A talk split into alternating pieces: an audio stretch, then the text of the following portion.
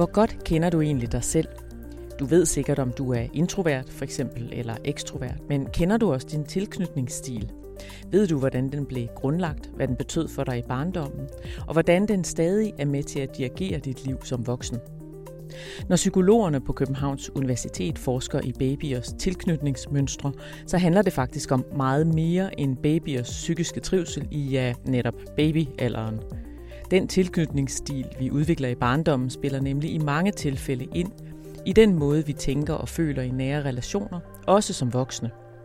Det kan være med til at bestemme, hvordan vi agerer i venskaber, i skolen og i jobbet, og især som kærester. Det er jo altid i de tilspidsede situationer, at de her strategier kommer til udtryk. Ikke? Og i de her nære relationer, hvor vi skal have tingene til at fungere. Det er for eksempel vores tilknytningsstil, der spiller ind, hvis vi let bliver utrygge og krævende over for de mennesker, der er tættest på os, og bekymret for at blive afvist eller forladt.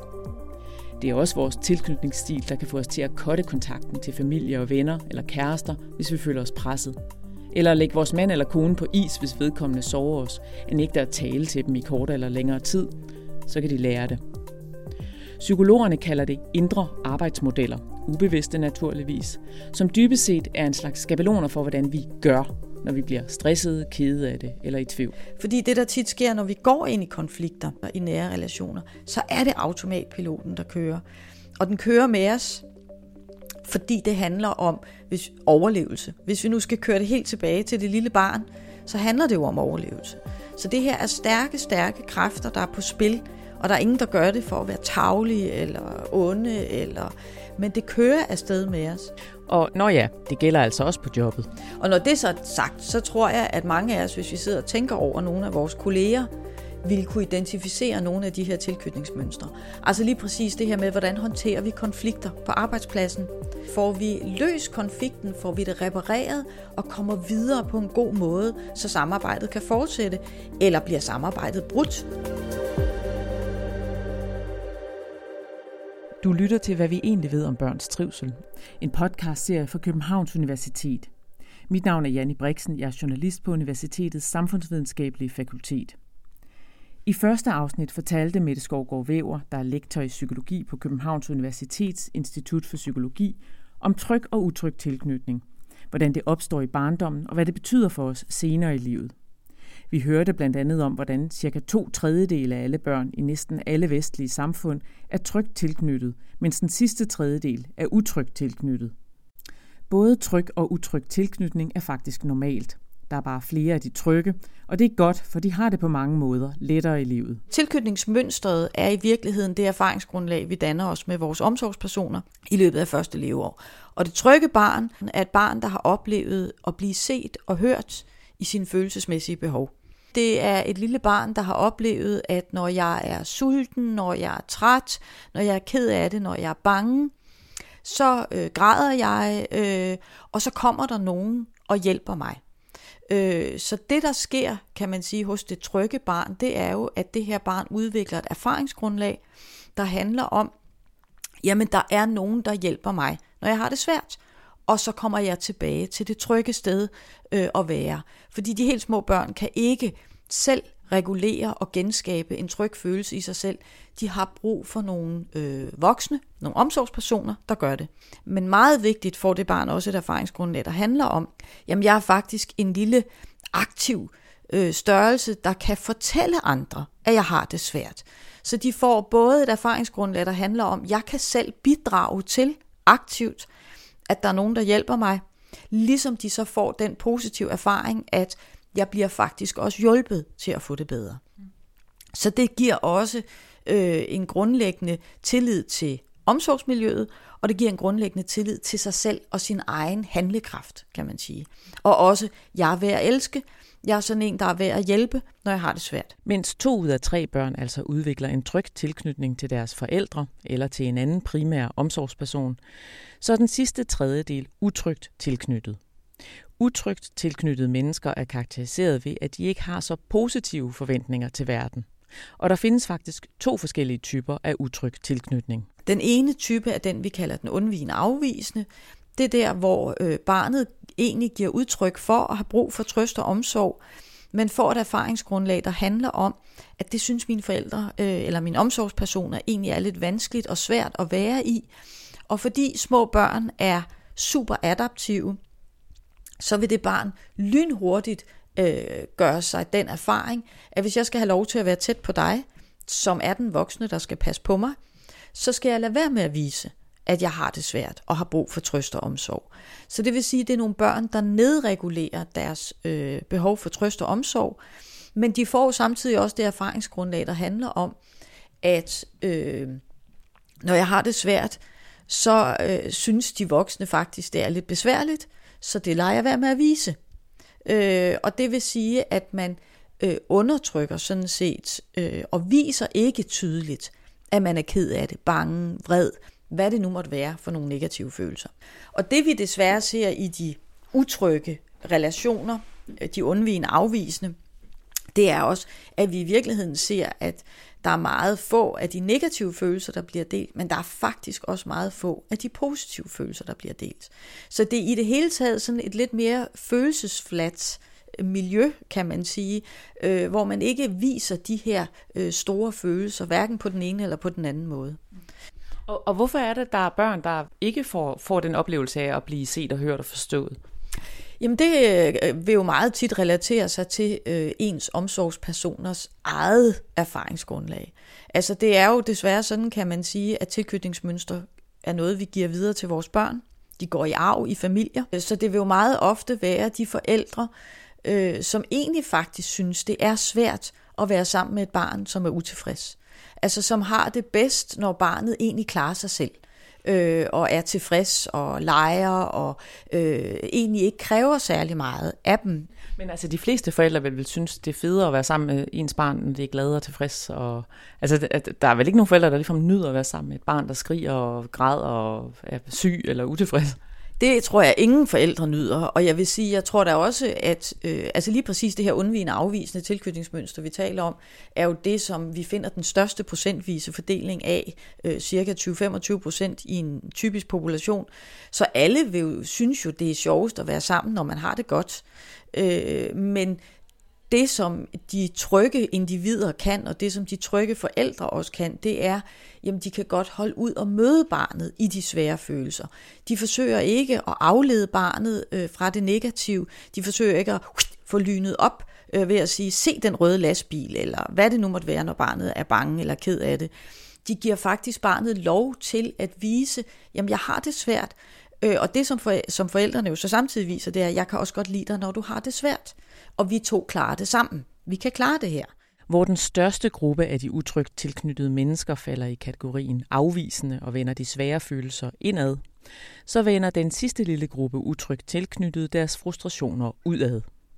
Det utrygt ambivalente tilknytningsmønster kan nemlig opstå, når barnet som lille oplever, at mor eller far nogle gange er opmærksomme og omsorgsfulde, og andre gange er afvisende eller ligeglade, eller måske bare uopmærksomme.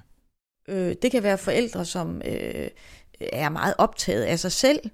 Øh, forældre, som øh, er meget, hvad skal man sige, har fokus på alt muligt andre ting.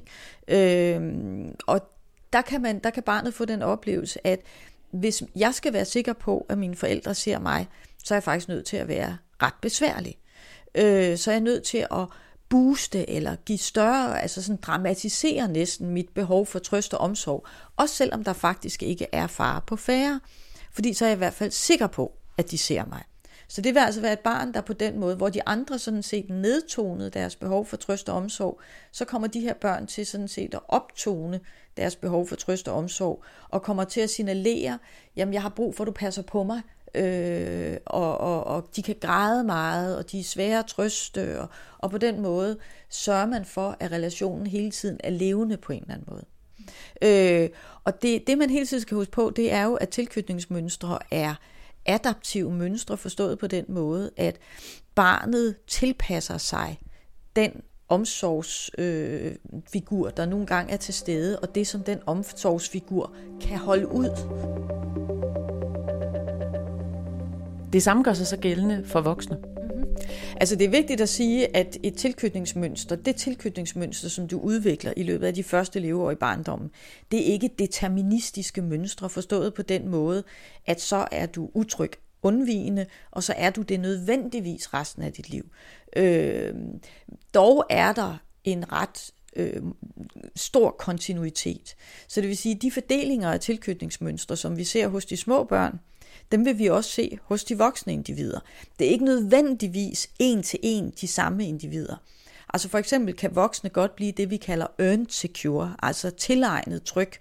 Øh, og det kan for eksempel være et barn, som har været, altså som har udviklet en utryg tilknytning i barndommen, som pludselig måske i teenageårene får en kæreste, kommer ind i et andet omsorgsmiljø i den familie og får dermed et andet erfaringsgrundlag, der faktisk kan bidrage til, at man så udvikler en tryg tilknytning.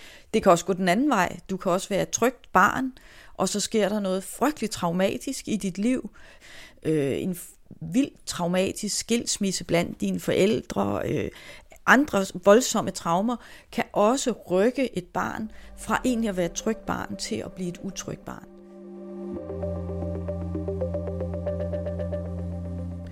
Og så er vi fremme ved det med skabelonerne, eller de indre arbejdsmodeller, som psykologerne kalder det. Indre, fordi det er ikke bevidste erfaringer, der er grundlagt på de oplevelser, vi havde tidligt i livet, ofte inden vores hjerne var færdigudviklet, og vi fik en egentlig bevidsthed og hukommelse. Lidt ligesom vi lærte at tale engang. Vi kan ikke huske, at vi lærte at tale, men vi lærte at tale det sprog, vores forældre taler, fordi vi skulle bruge det til at kommunikere med dem. På samme måde er vores tilknytningsstil nogle tidligt lærte, ikke bevidste arbejdsmodeller, som også i voksenlivet styrer, hvordan vi tænker og føler, især i situationer, hvor vi er stressede, vrede, kede af det eller føler os presset. Hvis du gerne vil kende dit eget tilknytningsmønster, så kan du for eksempel se på, hvordan du reagerer i netop de situationer.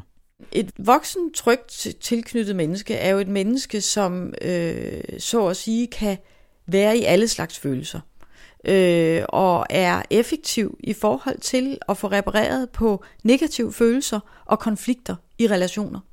Har effektive strategier til at få håndteret på konflikter på en god og konstruktiv måde.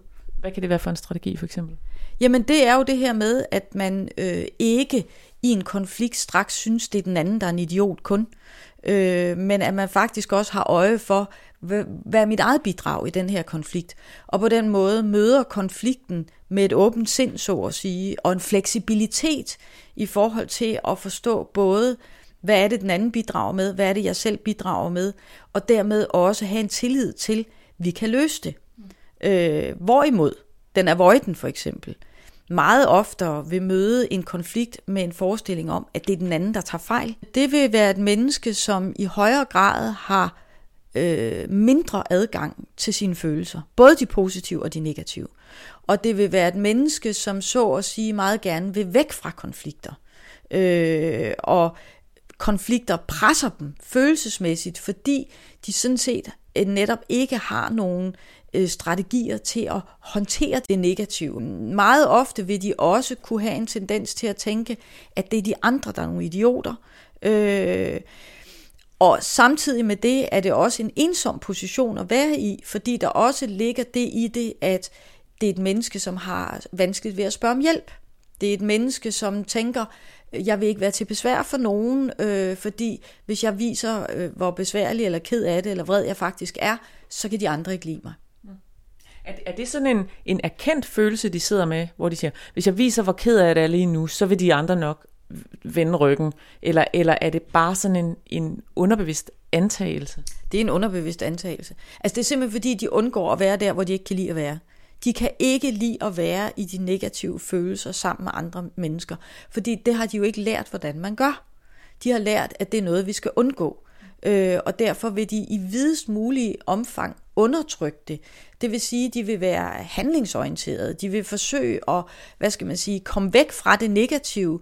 Øh, det kan jo være at, at øh, hvad skal man sige, gå ud og løbe en tur, øh, tage fitness, øh, hvad ved jeg. Altså, de vil forsøge at håndtere de negative følelser, ikke ved at tale om dem, eller sådan set være i dem og mærke dem, øh, men forsøge at komme væk fra dem, mm. øh, og undertrykke deres behov for trøst og omsorg Øh, også som voksne. Også som voksne. Mm. Ja. Hvis vi så tager den sidste gruppe, øh, altså de utrygt ambivalente. Mm. Hvad karakteriserer et utrygt ambivalent voksent menneske?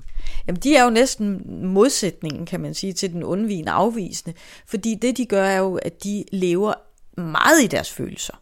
Øh, og har det her, øh, hvad skal man sige, både behov for nærvær øh, og tæthed med andre mennesker, men samtidig en angst for at blive forladt. Øh, så det er jo mennesker, som godt kan, man kan opleve som sådan lidt dramatiserende i forhold til følelser. Og det, der også kan karakterisere dem, det er, at de har svært ved at komme væk fra det negative.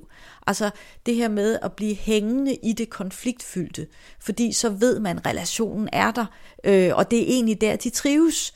Øh, fordi de ved, at så ved jeg, hvor du er. Øh, jeg ved, at du ser mig, fordi nu har vi noget, der er besværligt sammen.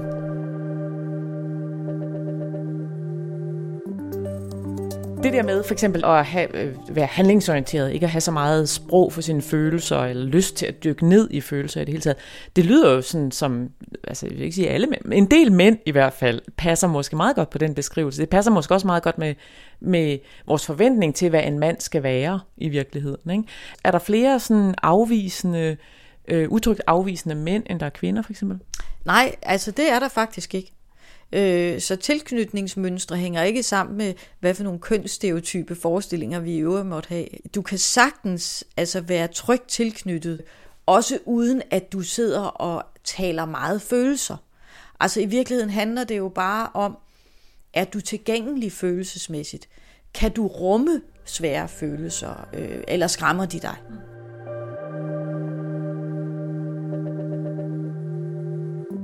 Det lyder unægteligt en del federe at være trygt tilknyttet end utrygt tilknyttet.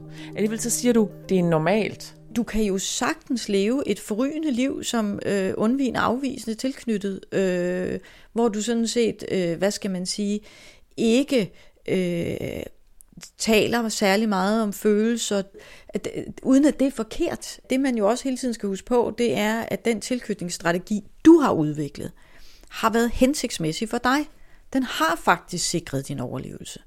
Øhm, så når den bliver en risikofaktor, så er det for eksempel, fordi den på en eller anden måde ikke nødvendigvis bliver ved med at være hensigtsmæssig øh, i længden.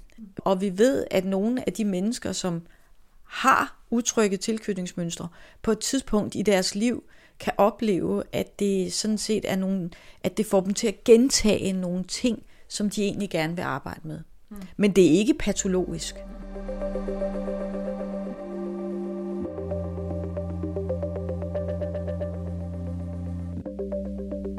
Hvad sker der, når folk med, hvad kan man sige, øh, altså konfliktende tilknytningsmønstre bliver par for eksempel? Ja, det man i hvert fald kan sige, det er, hvis man har en øh, undvigende, afvisende tilknyttet, som jo altså er det her menneske, som meget gerne vil væk fra de svære følelser, vil meget gerne lukke det ned, øh, har også rigtig svært ved faktisk at tale om følelser og, og komme i kontakt med det. Øh, hvis sådan et menneske er sammen med den ambivalente modstandspræget, som rigtig gerne vil tale om følelser og mærke store følelser, og for ellers så føler de, at de bliver forladt. Det er klart, når vi har et par, som fungerer på så forskellige måder, øh, når de så har konflikter, så vil de jo så at sige komme til at prikke til hinandens øh, konflikthåndteringsstrategier på en uhensigtsmæssig måde. Fordi den ambivalente modstandsbrede vil hele tiden forsøge at komme tættere på. Altså, vi skal tale mere om det her. Du, vi, jeg skal vide, at du bliver her, og vi skal tale, tale, tale. Hvorimod den undvigende afvisende jo vil forsøge at trække sig alt det vedkommende overhovedet kan, fordi det her med at være i de svære og de negative følelser, det er jo det, der fortæller den person, at der skal vi ikke være. Det er ikke godt i relationer. Øh, så vil man jo aktivere hinandens, øh, hvad skal man sige, øh, angst på en eller anden måde, ikke? Øh, og ikke give hinanden det, man i virkeligheden har brug for. Så det der med, når parforhold øh, får den indsigt i, hvad er det faktisk, der er på spil lige her og nu øh, for mig, og hvad er det, der aktiverer i dig, så er det altså meget rørende at se. Viden om voksne menneskers tilknytningsstil og om den måde, det udspiller sig på i parrelationer. Det er et af de redskaber, forskerne på Københavns Universitet anvender, når de i forskningsprojekter på Institut for Psykologi hjælper forældre med særlige udfordringer i relation til deres børn. Vi kører det her forskningsprojekt, et eksempel derfra øh, herinde i Center for Tidlig Indsats for Familieforskning, hvor vi har det unge par, der lige er blevet forældre øh, i, i, øh, i nogle terapiforløb. Det er så med fokus rettet på deres børn, men det som mange af dem faktisk siger er, at det de har lært om tilknytningsteori inde hos os, det har hjulpet dem rigtig meget i deres parforhold. Og noget af det, vi taler rigtig meget om, det er det, der hedder hejmusik.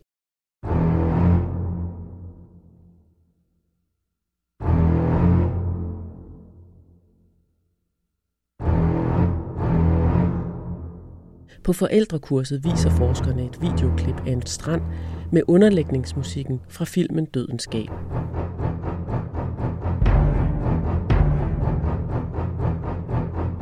Og så viser de det samme videoklip med rolig klassisk musik.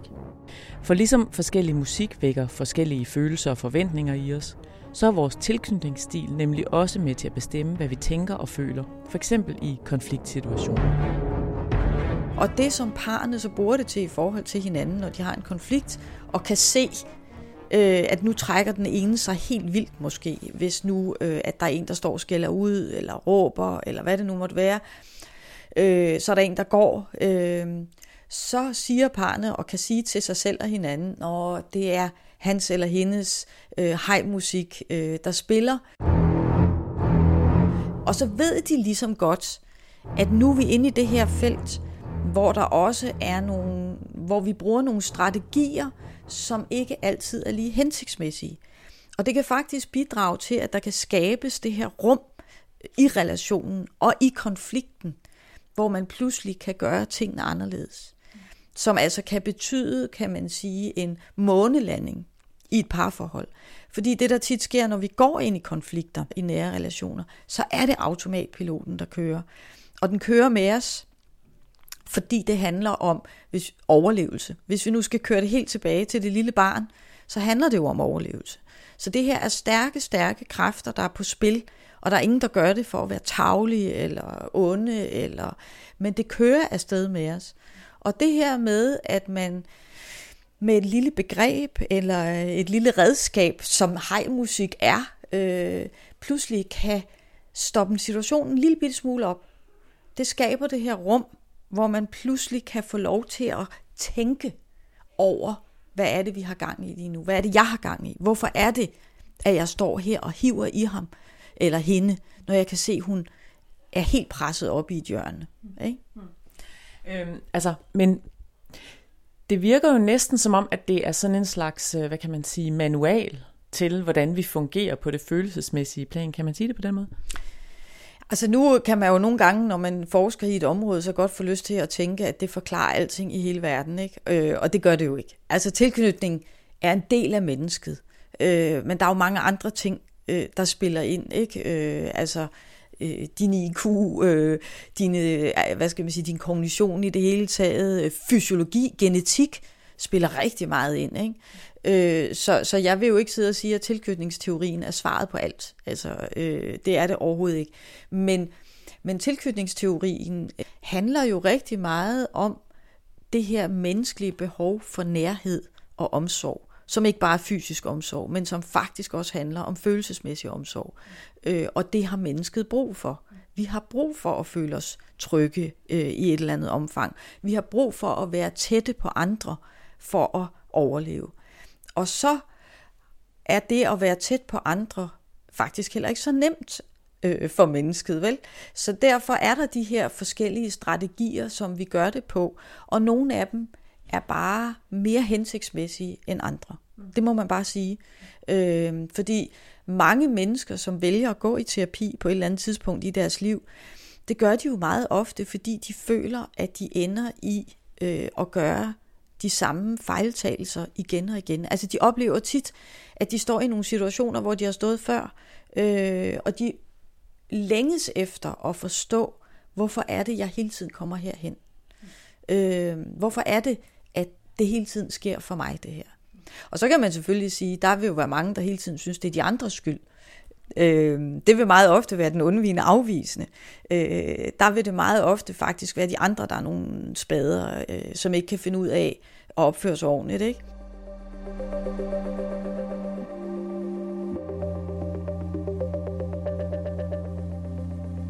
Der er så meget at vinde ved at vokse op og blive et trygt tilknyttet menneske. Og hvis du vil vide mere om børns udvikling af tryg tilknytning, og om hvordan forskningen har kortlagt børns udvikling af tilknytning, så skal du tilbage og lytte første episode af podcastserien her. Men hvad betyder vores tilknytningsstil for os i arbejdslivet? Øh, jamen, du kan jo egentlig godt se en arbejdsplads lidt som en familie. Ikke? Altså, øh, vi er her jo rigtig, rigtig mange timer. Der er mange store følelser på spil også negativ, øh, hvor det handler om jalousi og misundelse, og hvem klarer sig godt, og hvem klarer sig ikke godt. Hvem ser led, hvem, hvem anerkender lederen mest? Så man kan sige, at som medarbejder på en arbejdsplads har du jo virkelig, virkelig brug for, at ledelsen er en tydelig øh, omsorgsfigur. Altså hvor der er en tydelighed i forhold til, jamen her hjælper vi hinanden, hvis vi har det svært her er man ikke bare overladt til sig selv, hvis vi har det svært. Øh, her er det ikke bare dem, der råber højst, der nødvendigvis bliver set. Altså at det her med, at, at ledelsen så at sige, netop ved at være meget tydelig i både sin krav, men også i sin omsorg, øh, bliver en meget tydelig forældrefigur, hvis vi nu skal sige det øh, sådan lidt karikeret. Ikke? Øh, fordi det skaber også en ro i forhold til øh, medarbejderne. Ikke? Og når det er så sagt, så tror jeg, at mange af os, hvis vi sidder og tænker over nogle af vores kolleger, vil kunne identificere nogle af de her tilknytningsmønstre. Altså lige præcis det her med, hvordan håndterer vi konflikter på arbejdspladsen. Øh, øh sidder vi bare og skumler ind på kontoret øh, og er virkelig sur over en eller anden, der sagde et eller andet. Eller får vi det faktisk håndteret? Får vi løst konflikten? Får vi det repareret? Og kommer videre på en god måde, så samarbejdet kan fortsætte? Eller bliver samarbejdet brudt, fordi man ikke kan tale om, hvordan får vi det her løst? Øh, omvendt er der jo også altid på en, en arbejdsplads øh, kolleger, hvor der altid er et eller andet mega besværligt. Altså der kører altid et eller andet konfliktfyldt. Øh, der hvor den person er, er der altid et eller andet fishy going on, ikke? Altså hvor man tænker, okay, det er et menneske, som har meget sådan dramatiserende og den her mere ambivalente modstandspræget, altså det her behov for hele tiden at føle, at der er noget besværligt, øh, for at relationerne eksisterer, så at sige, ikke? Mm. Eller en trier. Ja. En trier, uh, ja, lige præcis, ikke? Øh, altså det her med, at man hele tiden følelsesmæssigt skaber noget furore på en eller anden måde, ikke?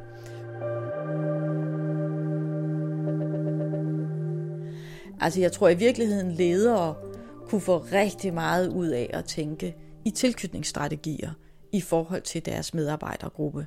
Øh, fordi hvis du har virkelig mange ambivalente modstandsbrede, så bliver det altså et meget, meget besværligt miljø at være i. Omvendt, hvis du har mange avoidant, øh, så bliver det et meget følelsesfladt og øh, måske et lidt koldt miljø, fordi man ikke giver så meget af sig selv, og konflikterne bliver bare tonet ned, Øh, og lige pludselig eksploderer det måske. Folk går ned med stress. Øh, ikke fordi jeg siger, at alt stress øh, kan relateres til tilknytningsmønstre. Men de her mennesker, som de avoidant undvigende, er jo meget, har meget ofte rigtig svært ved at komme i kontakt med deres følelser.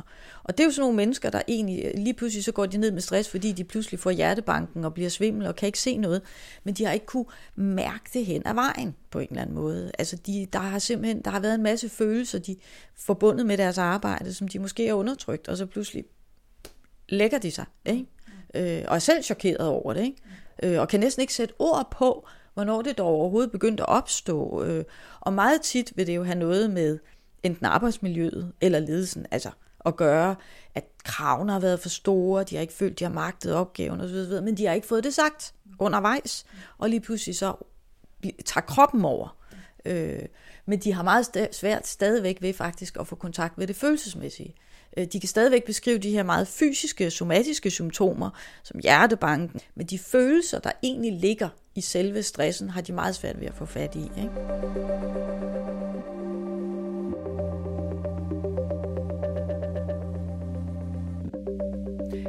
Men hvordan, altså, når nu man er et voksent menneske, for eksempel, og uanset om vi snakker på arbejdspladsen eller i familien, så ved man jo godt, at øh, det der med at øh, smække døren for eksempel og skride fra en konflikt, øh, eller at køre den helt op og stå og råbe. Altså vi ved jo godt, at det ikke er en god måde at lande håndtere konflikter på. Hvorfor er det, at tilknytnings hvad kan man sige, vores tilknytningsstil alligevel spiller så stor en rolle, at den ligesom overrider, hvad vi godt ved med vores hjerner?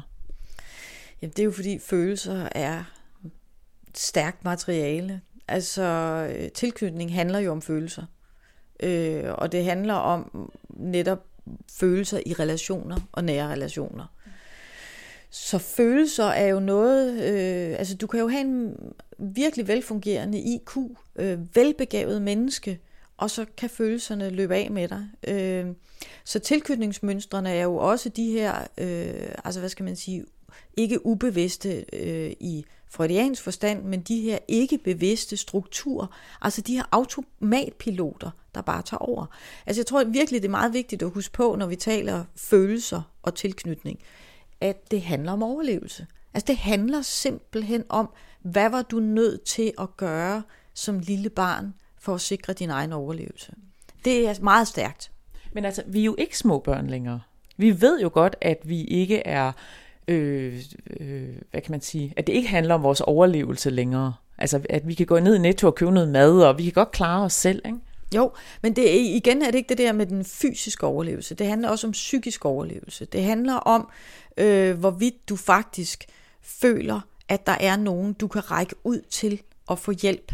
Øh, fordi mennesket basically jo er fødes som det her sociale væsen.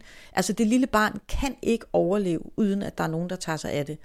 Øh, så derfor bliver det nogle meget, meget stærke, grundlæggende mønstre, øh, som på den måde kommer til at få en betydning for os ret langt. Altså det vil sige, hvis man vælger at arbejde med sine tilknytningsmønstre, så skal man jo også være klar over, at det er jo ikke bare for sjov. Det er rigtig hårdt arbejde, fordi det at gå ind og ændre på de her automatpiloter, det er for langt de fleste mennesker sindssygt angstprovokerende. Det er jo også derfor, man kan sige, man kan jo nogle gange undre sig over, at folk bliver ved med at gøre det samme og det samme, øh, når, når nu vedkommende egentlig godt kan sige, at det er ikke godt for mig. Så er det jo fordi psyken og det lille barn, øh, hvis vi nu kører tilbage til det, har brug for forudsigelighed. Vi har vi har brug for at kunne forudsige, at hvis jeg ved, hvis jeg gør sådan her, så overlever jeg.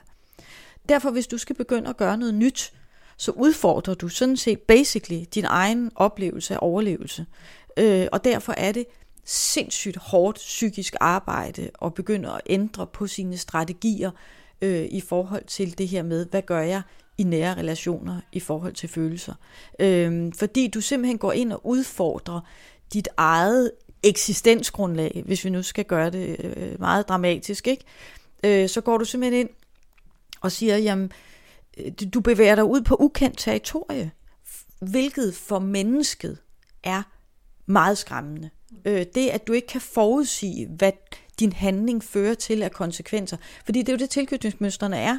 Jeg ved, at hvis jeg gør sådan her, så gør han eller hun sådan der i forhold til mig. Og derfor har jeg fuldstændig styr på det på en eller anden måde.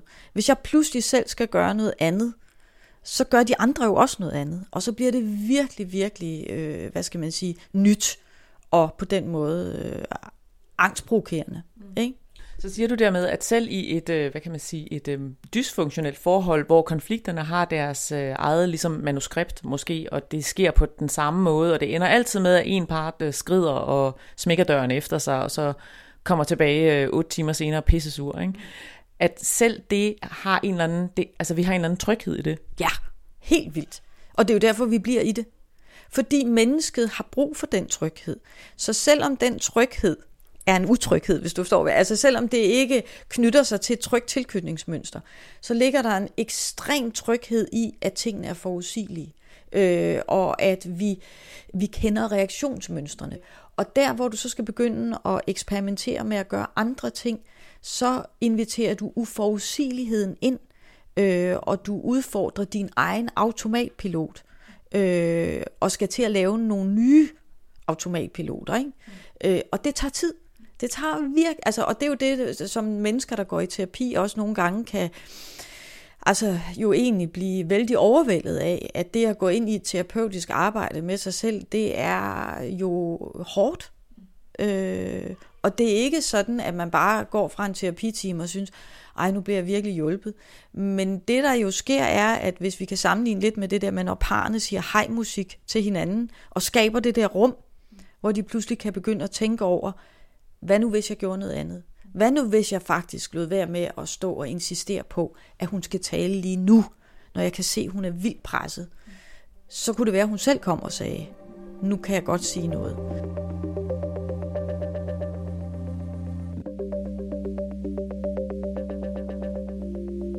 Fordi det der også nogle gange kan man sige, er det sørgelige omkring tilknytningsmønstre, det er jo, at det kan blive sådan nogle selvopfyldende profetier. Og hvis du er et trygt barn eller en tryg tilknyttet voksen, så er, vælger du det gode. Øh, du er god til at vælge relationer, som er gode for dig. Du er rigtig god til at få repareret på det, som måtte være negativt eller konfliktfyldt i relationer øh, på en effektiv måde, så du kommer videre til det gode. Øh, og det er jo, kan man sige, en helt vidunderlig positiv selvopfyldende øh, profeti, ikke? hvor man tænker, jeg er egentlig et relativt fedt menneske, andre mennesker kan godt lide mig, jeg kan også godt lide andre mennesker. Øh, hvis der opstår kontroverser og konflikter, så er det noget, vi kan finde ud af og reparere på, og så kommer vi videre. Der hvor øh, selvopfyldende profetier som tilknytningsmønstrene også kan være, det er jo der, hvor vi møder andre med nogle negative forventninger, og faktisk også kommer til at skabe andres reaktioner på os ved at være på en bestemt måde selv. Hvordan kan det være for eksempel? Jamen det kan for eksempel være, hvis, øh, hvis vi nu tager det afvisende, undvigende tilknytningsmønster, som jo hvis vi kiggede på barnet, er det her barn, som har erfaret, jeg skal lade være med at vise nogen, jeg har det svært, øh, så vil de jo i deres voksenliv blive mennesker, som øh, ikke giver så meget følelsesmæssigt af sig selv. Men det vil sige, at man møder sådan set andre med sådan en eller anden, et, et grundlag, der handler om, øh, jamen, jeg ved, du ikke kan lide mig, hvis jeg giver dig hele pakken. Hvis jeg, hvis jeg viser dig, hvad for nogle negative følelser jeg har, eller hvis jeg fortæller om det, eller øh, fordi jeg kan egentlig heller ikke lide mig selv. Og på den måde, så får man sådan set desværre ofte en fornemmelse af, at andre mennesker gør præcis det. Øh, jamen, så giver de heller ikke noget af sig selv. Og på den måde, så får man ligesom konfirmeret, jamen følelser, det er faktisk ikke noget, vi deler. Øh, og det ender med at blive, og kan blive for nogen, en meget ensom position, øh, hvor man sådan set jo føler, at jamen, øh, det her, det er bare noget, jeg klarer selv. Øh, og, og, og igen får det også konsekvenser for de positive følelser. Ikke? Altså det der med, at man deler heller ikke positive oplevelser med nogen. Ikke? Øh, omvendt, det var den undvigende afvisende. Hvis du så er blevet en voksen, ambivalent, modstandspræget, øh, så vil du meget ofte gå ind i relationer, hvor du på den ene side har et enormt behov for nærhed og tæthed, øh, fordi du på den anden side også er bange for at være alene og ikke blive set. Øh, så du vil have en tendens til, kan man sige, måske at overdramatisere, være meget følelsespræget, øh, og på den måde kan du også godt opleve, at folk synes, du er for meget. Øh, at de bakker, og så oplever du lige præcis det, som du er allermest bange for, nemlig at de forlader dig, når du har det svært. Øh, eller at de ikke ser dig. Øh, og det er de her, hvad skal man sige, selvopfyldende profetier, som, som vi kan opleve, at øh, tilknytningsmønstrene sådan set, at det er noget, vi har med i vores rygsæk. Øh, Øh, og det er noget, vi tager med os ind, hver gang vi laver relationer øh, med voksne mennesker, eller med børn for den sags skyld.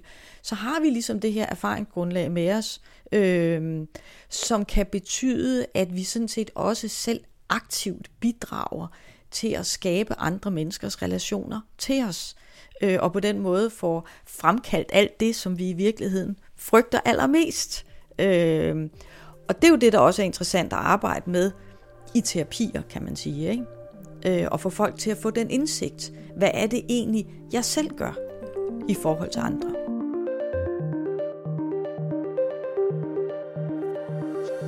Når man er sådan en forsker som dig, eller jer, der arbejder her med de her ting, går man så rundt og kigger på alle mennesker og tænker, det der, det er da en helt klar afvisende.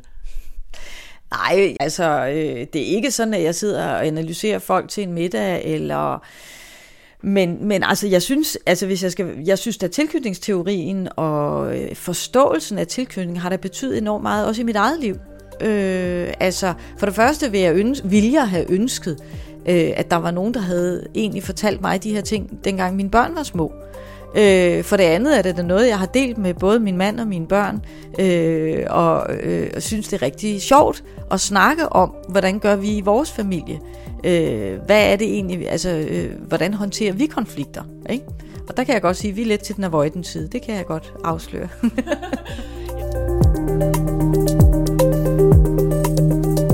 har lyttet til, hvad vi egentlig ved om børns trivsel, en podcastserie fra Københavns Universitet.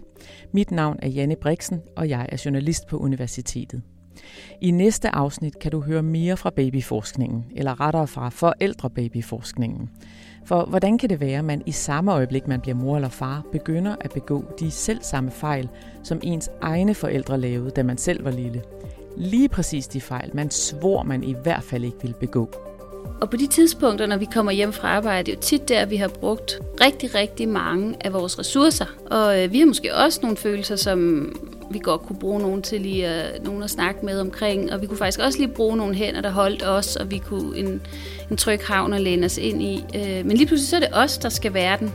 Det er os, der er den lige pludselig. Vi er de voksne. Og hvad kan man egentlig gøre for at undgå at gøre og sige det samme som ens forældre, altså på den ufede måde? Det er der mere om i næste episode.